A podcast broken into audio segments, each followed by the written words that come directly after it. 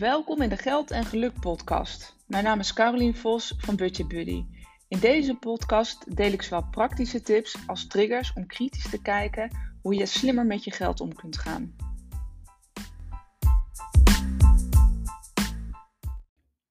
Ja, leuk dat je weer luistert naar een nieuwe aflevering van de Geld en Geluk podcast. En deze aflevering doe ik weer aan de hand van een ehm, column die ik heb geschreven voor het Algemeen Dagblad. Dat doe ik uh, met grote regelmaat. En dit is een artikel die verschenen is op 2 januari. Ehm, en ik dacht, ja, dit is ook wel weer een goede om voor de podcast op te nemen. Tweeledig. Eén, uh, niet iedereen uh, kan het lezen. Dat is heel praktisch eigenlijk, uh, omdat dit een betaald artikel is. Of tenminste, je moet geabonneerd zijn om dit artikel te kunnen lezen. Ik kan hem dus zelf ook niet lezen online. Maar goed, ik heb hem zelf geschreven, dus ik weet, ik weet wat erin staat. Um, en aan de andere kant denk ik dat het heel herkenbaar is voor heel veel mensen. Um, en het is zeker heel herkenbaar, dat weet ik, omdat nadat dit artikel gepubliceerd was, ik, uh, nou ja, de, telefoon stond zeg maar roodgloeiend met mensen of berichtjes die ik kreeg, waarvan mensen zeiden, hey, dit, dit herken ik, of ik zit hier in dezelfde situatie, hoe kan ik dit anders, slimmer aanpakken voor in ieder geval weer het nieuwjaar. Um, dus ik ben dan altijd weer heel dankbaar dat mensen daarin de juiste route weten te bewandelen over het taboe of hè, wat vindt een ander van me uh, heen stappen en ja, ook gewoon de vragen durven te stellen. En um, ja, dus blijf dat ook vooral doen op het moment dat je denkt, hey, uh, ik was ook zo, uh, ik was daar ook eentje van. Blijf dat gewoon doen, uh, want ik, ja, ik help je daarin graag verder. Goed, ik um, ga mij voorlezen. Nogmaals, deze is 2 januari gepubliceerd en het gaat dus inderdaad ook over de maand december. Maar ook als je deze podcast um, later luistert, is die eigenlijk ook nog steeds relevant, omdat het met name gaat over een maand, een, hè, als je een dure maand hebt gehad en hoe ga je er nou de maand erna dan mee om als daar tekorten in, in zijn bijvoorbeeld. Uh, zo zie ik dat ook vaak in uh, vakantieperiode. Hè. Op het moment dat je terugkomt van vakantie, denk ik ook heel herkenbaar dat je denkt, oké, nou die portemonnee is wel echt een soort van, de bodem is wel echt bereikt.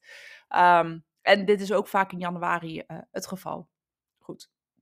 Ik ga even voorlezen uit eigen werk. Dure maand leidt tot tekort van 2000 euro. Weet je nog hoe je er vorig jaar bij zat? Vroeg ik Mia, nou, Mia is 40 jaar, uh, toen ze recent bij me was. Vorig jaar belde, belde ze me op met een trillende stem. Ze durfde het met niemand te delen. Ze was bang voor de reacties, want ze vond het ook wel een beetje haar eigen schuld. Dit is inderdaad al meteen het taboe waarvan velen ook uh, het lastig vinden om dit met de omgeving ook te bespreken. Mia was er daar ook eentje van en uh, zo kwam ze dus ook inderdaad bij mij terecht. Ze vertelde over de overweldigende, de overweldigende decembermaand, met een mond vol, die een behoorlijke deuk achtergelaten had in haar financiën. Daarmee zag ze ook haar goede voornemens om juist meer geld te sparen in duigen vallen.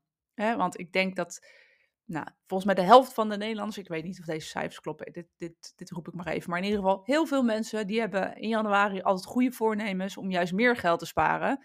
En wat is er lastiger om dat in januari te gaan starten op het moment dat je december iets wat te veel geld hebt uitgegeven. Dus dat werkt eigenlijk vaak nog uh, frustrerender, omdat je juist vooruit wilt. Wat dat concreet betekende. Ze had 2000 euro extra uitgegeven die maand. Niet alleen aan de kerstcadeaus, etentjes en een nieuwe feestoutfit, maar ze moest ook 900 euro bijbetalen voor de energierekening en uh, eigen risico betalen voor haar zorgverzekering. Een buffer om dit op te vangen had ze niet. Ja, dus hier word je dus, um, ik weet, hoe gaat die uitspraak? Aan twee kanten gebeten? Nou, ik weet het even niet, hè, maar het is een soort van dubbel whammy, aan twee kanten inderdaad. Aan de ene kant had ze nou, veel meer uitgegeven dan dat ze normaal gesproken zou doen. En aan de andere kant uh, kwamen er dus best wel wat tussen haakjes, uh, want daar kan je ook wat van vinden, onverwachte uh, uitgaven of rekeningen die betaald moesten worden. Ja, en dan is 1 plus 1 2 of uh, nou ja, min 2 om maar zo te zeggen. En ze had inderdaad ook niet een buffer om dat op te kunnen vangen. En dat was ook de reden waarom ze bij me kwam. Mia is niet de enige die na een dure decembermaand in de problemen komt.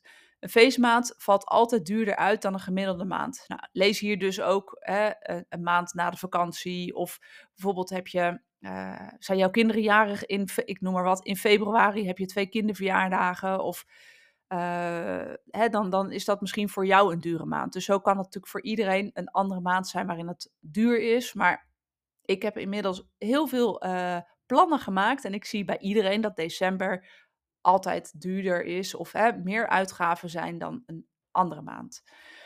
Nou, ik lees even verder. Daar zal je in het budget van de andere maanden al rekening mee moeten houden door geld te reserveren. Hier zit dus ook meteen de tip. Dan is er niks aan de hand en kun je gewoon extra's kopen of leuke dingen doen in december. Dit klinkt heel simpel. Uh, het is eigenlijk ook heel simpel. Nee, wat we, wat we vaak denken is dat we een soort van gemiddelde budgetten maken voor elke maand. Hè? Zo begin ik zelf ook altijd met, met budgetten maken wanneer ik met mensen aan de slag ga. Uh, voor variabelen heb ik het dan eventjes over. Um, maar niet elke maand is natuurlijk hetzelfde. Omdat, wat ik net ook aangaf, je hebt bijvoorbeeld een vakantie, een, een decembermaand met borrels, met etentjes, met cadeaus, met whatever. Uh, of, of inderdaad, kinderen zijn jarig, of uh, ja, noem eens wat andere dingen. Waar, je, waar je meer uitgaven hebt, of je hebt, uh, weet ik veel, je ouders zijn zoveel jaar getrouwd en wilt een groot cadeau geven, of dat soort dingen. Het zijn vaak wel uh, activiteiten waar je al van tevoren over na kunt denken. Wat betekent dat? Dat je in die maanden wil je eigenlijk dus die mogelijkheid wil je ook hebben om dat ook te kunnen doen. Dat zijn ook de fijne dingen waar je van kunt genieten en um, die je ook wilt uitgeven.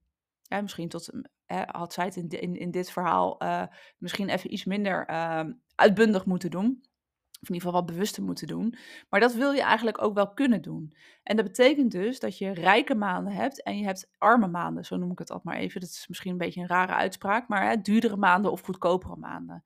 En je zult dus in de maanden dat je dus niet van die exponentiële uitgaven hebt, uh, al geld opzij moeten zetten, zodat je dus zo'n decembermaand uh, veel fijner en relaxter door kunt komen. Maar dit is wat we heel vaak vergeten. Ja, we zijn altijd positief ingesteld. We denken, oh ja, dat, dat komt wel goed. Alleen, ja, voor het weet is het januari en dan is het dus toch uiteindelijk niet goed gekomen. Dus je zult dus in maanden waarin het kan, extra geld opzij moeten zetten om het uit te kunnen geven in de maanden waarin het wel kan of waarin je het eigenlijk liever uitgeeft.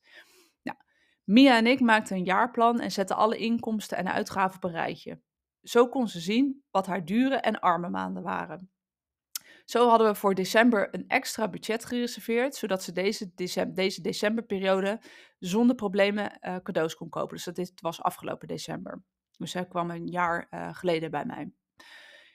Uh, dus zo hebben we dat uh, op die manier ingericht. In de maanden waar ze geen bijzondere uitgaven had, creëerden we ruimte om de roodstand weg te werken en meer geld op de spaarrekening te zetten. Daarnaast was het noodzakelijk om een financiële buffer te gaan sparen om onverwachte rekeningen te kunnen opvangen. Want dat kwam er nog eens bij. Hè? Dus het waren en die variabelen. Dus ofwel, je zult dus extra moeten budgetteren in de maanden waarin je het wil uitgeven. En aan de andere kant had zij dus onverwachte, nogmaals tussen haakjes, want hoe onverwacht is het? Um, of heb je kop in het zand gestoken of heb je het niet goed gepland? Dus misschien heel direct en onaardig hoe ik het nu zeg, maar um, ik denk 99% als ik er naar zou kijken, uh, is niet onverwacht. Dat zijn gewoon rekeningen die je kan verwachten. Alleen, jij bent ze even vergeten misschien. Maar daar zul je dus inderdaad een buffertje voor moeten opbouwen. En natuurlijk zijn er ook onverwachte uit, uitgaven, zoals de welbekende wasmachine of iets dergelijks. Hè. Natuurlijk, die uh, uh, moet je ook daarin meenemen. Dus dat is wat we inderdaad hadden hebben gedaan voor inderdaad de rekeningen die um, nou, of één keer in het jaar komen, of in ieder geval de onverwachte dingen die, die er kunnen gebeuren. We stelden samen vast dat ze in elk geval een bedrag van 5000 euro bij elkaar zou sparen dat jaar. Nou, ik heb wel meerdere podcasts ook opgenomen over hoe groot moet nou zo'n buffer zijn. Dus als je uh, deze vraag hebt, kijk eventjes. Ik, uh, ja, ik kan nu even niet opzoeken, maar um, kijk, scroll eventjes door mijn, uh, door mijn lijst met, met de podcast en daar kun je het ongetwijfeld uh, terugvinden van hoe groot moet die buffer nou zijn. Um, en zo kwamen wij dus uh, op 5000 euro, wat zij in ieder geval voor nu nodig had, of voor dat jaar zou ze dat sparen. Het leek een behoorlijke uitdaging, 5000 euro, maar nadat we alle uitgaven hadden uitgezocht, bleek dat er flink bespaard kon worden op onder andere boodschappen, maar ook lopende abonnementen. Dus daarin hebben we ruimte gecreëerd om inderdaad die buffer op te kunnen bouwen. Zodat zij die buffer op kon bouwen. Nou, nu, Mia, uh, nu heeft Mia genoten van de december, vertelt ze. Dus het was uh, uh, afgelopen december. Ik heb nieuwe kerstversiering en kon zelfs mooie cadeaus weggeven aan mijn familie zonder schuldgevoel. Ik wil dit jaar gaan sparen voor een mooie reis. zo zie je dat er in een jaar tijd, hè, we, we onderschatten dat wel eens, het moment dat je in januari denkt, oh my god, hoe ga ik dit rechtbreien? Uh, heeft zij dus in een jaar tijd, heeft zij dit, nou, heeft ze dit dus voor elkaar gekregen om uh, om een stuk financiële rust, moet ik het maar even, te creëren voor zichzelf. En zijn er dus nu meerdere andere, laat ik zo zeggen, andere spaardoelen die ook in het zicht komen, in plaats van alleen maar um, nou ja, achter je staart aan te rennen. Uh, even denken, nog een klein stukje. Um, nou, dit is eigenlijk ook meteen de ook, uh, volgende tip. Wil je goede geldvoornemens waarmaken? En ik denk dat dat het misschien ook wel het moment is waar jij je nu in bevindt. Hè? Het is uh, nu nog januari dat ik deze podcast opneem. Of nogmaals, eigenlijk kun je elk moment beginnen. Daar hoeft het geen 1 januari voor te zijn. liever niet zelfs, want dan hè, vaak denk ik wel dat 1 januari moet het gebeuren. Maar je kan natuurlijk elk moment beginnen wanneer je wilt. is het verstandig om een jaarplan te maken? Dat is eigenlijk ook altijd waar ik, uh, waar ik mee begin. Ehm, hè, dat klinkt altijd saai, en, uh, maar op het moment dat je weet, oké, wat komt er binnen, wat gaat eruit, waar gaat mijn geld eigenlijk nu naartoe en hoe zou ik het willen, dat is de allereerste stap. En daarna kun je bedenken, oké, en hoe ga ik dat dan doen? En eigenlijk is die hoe ga ik dat dan doen, dat is nog een veel lastigere, lastigere vraag dan die eerste. Maar je zult dus eerst een jaarplan moeten maken. Kijk verder vooruit dan alleen deze maand dus niet alleen maar, oké, wat komt er deze maand binnen, wat moet ik deze maand betalen. maar snap dus dat je verder moet kijken, zeker op het moment dat je denkt, hé, hey, maar ik heb ook maanden waar ik dus meer uit zou willen geven. Ja, dat betekent dus dat je misschien deze maand of volgende maand wat minder uit moet geven. Hoogstwaarschijnlijk ligt daar dus ook het antwoord op het realiseren van jouw financiële doelen voor 2024. Dus ga je mee aan de slag, haal eruit wat voor jou van toepassing is.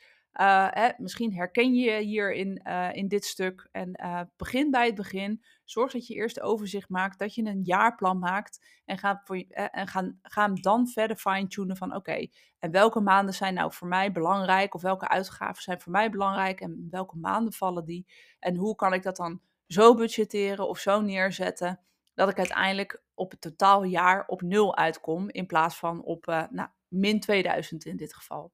Dus doe je voordeel mee en haal hier de tips uit die, uh, nou, waar jij lekker mee aan de slag kan. Succes!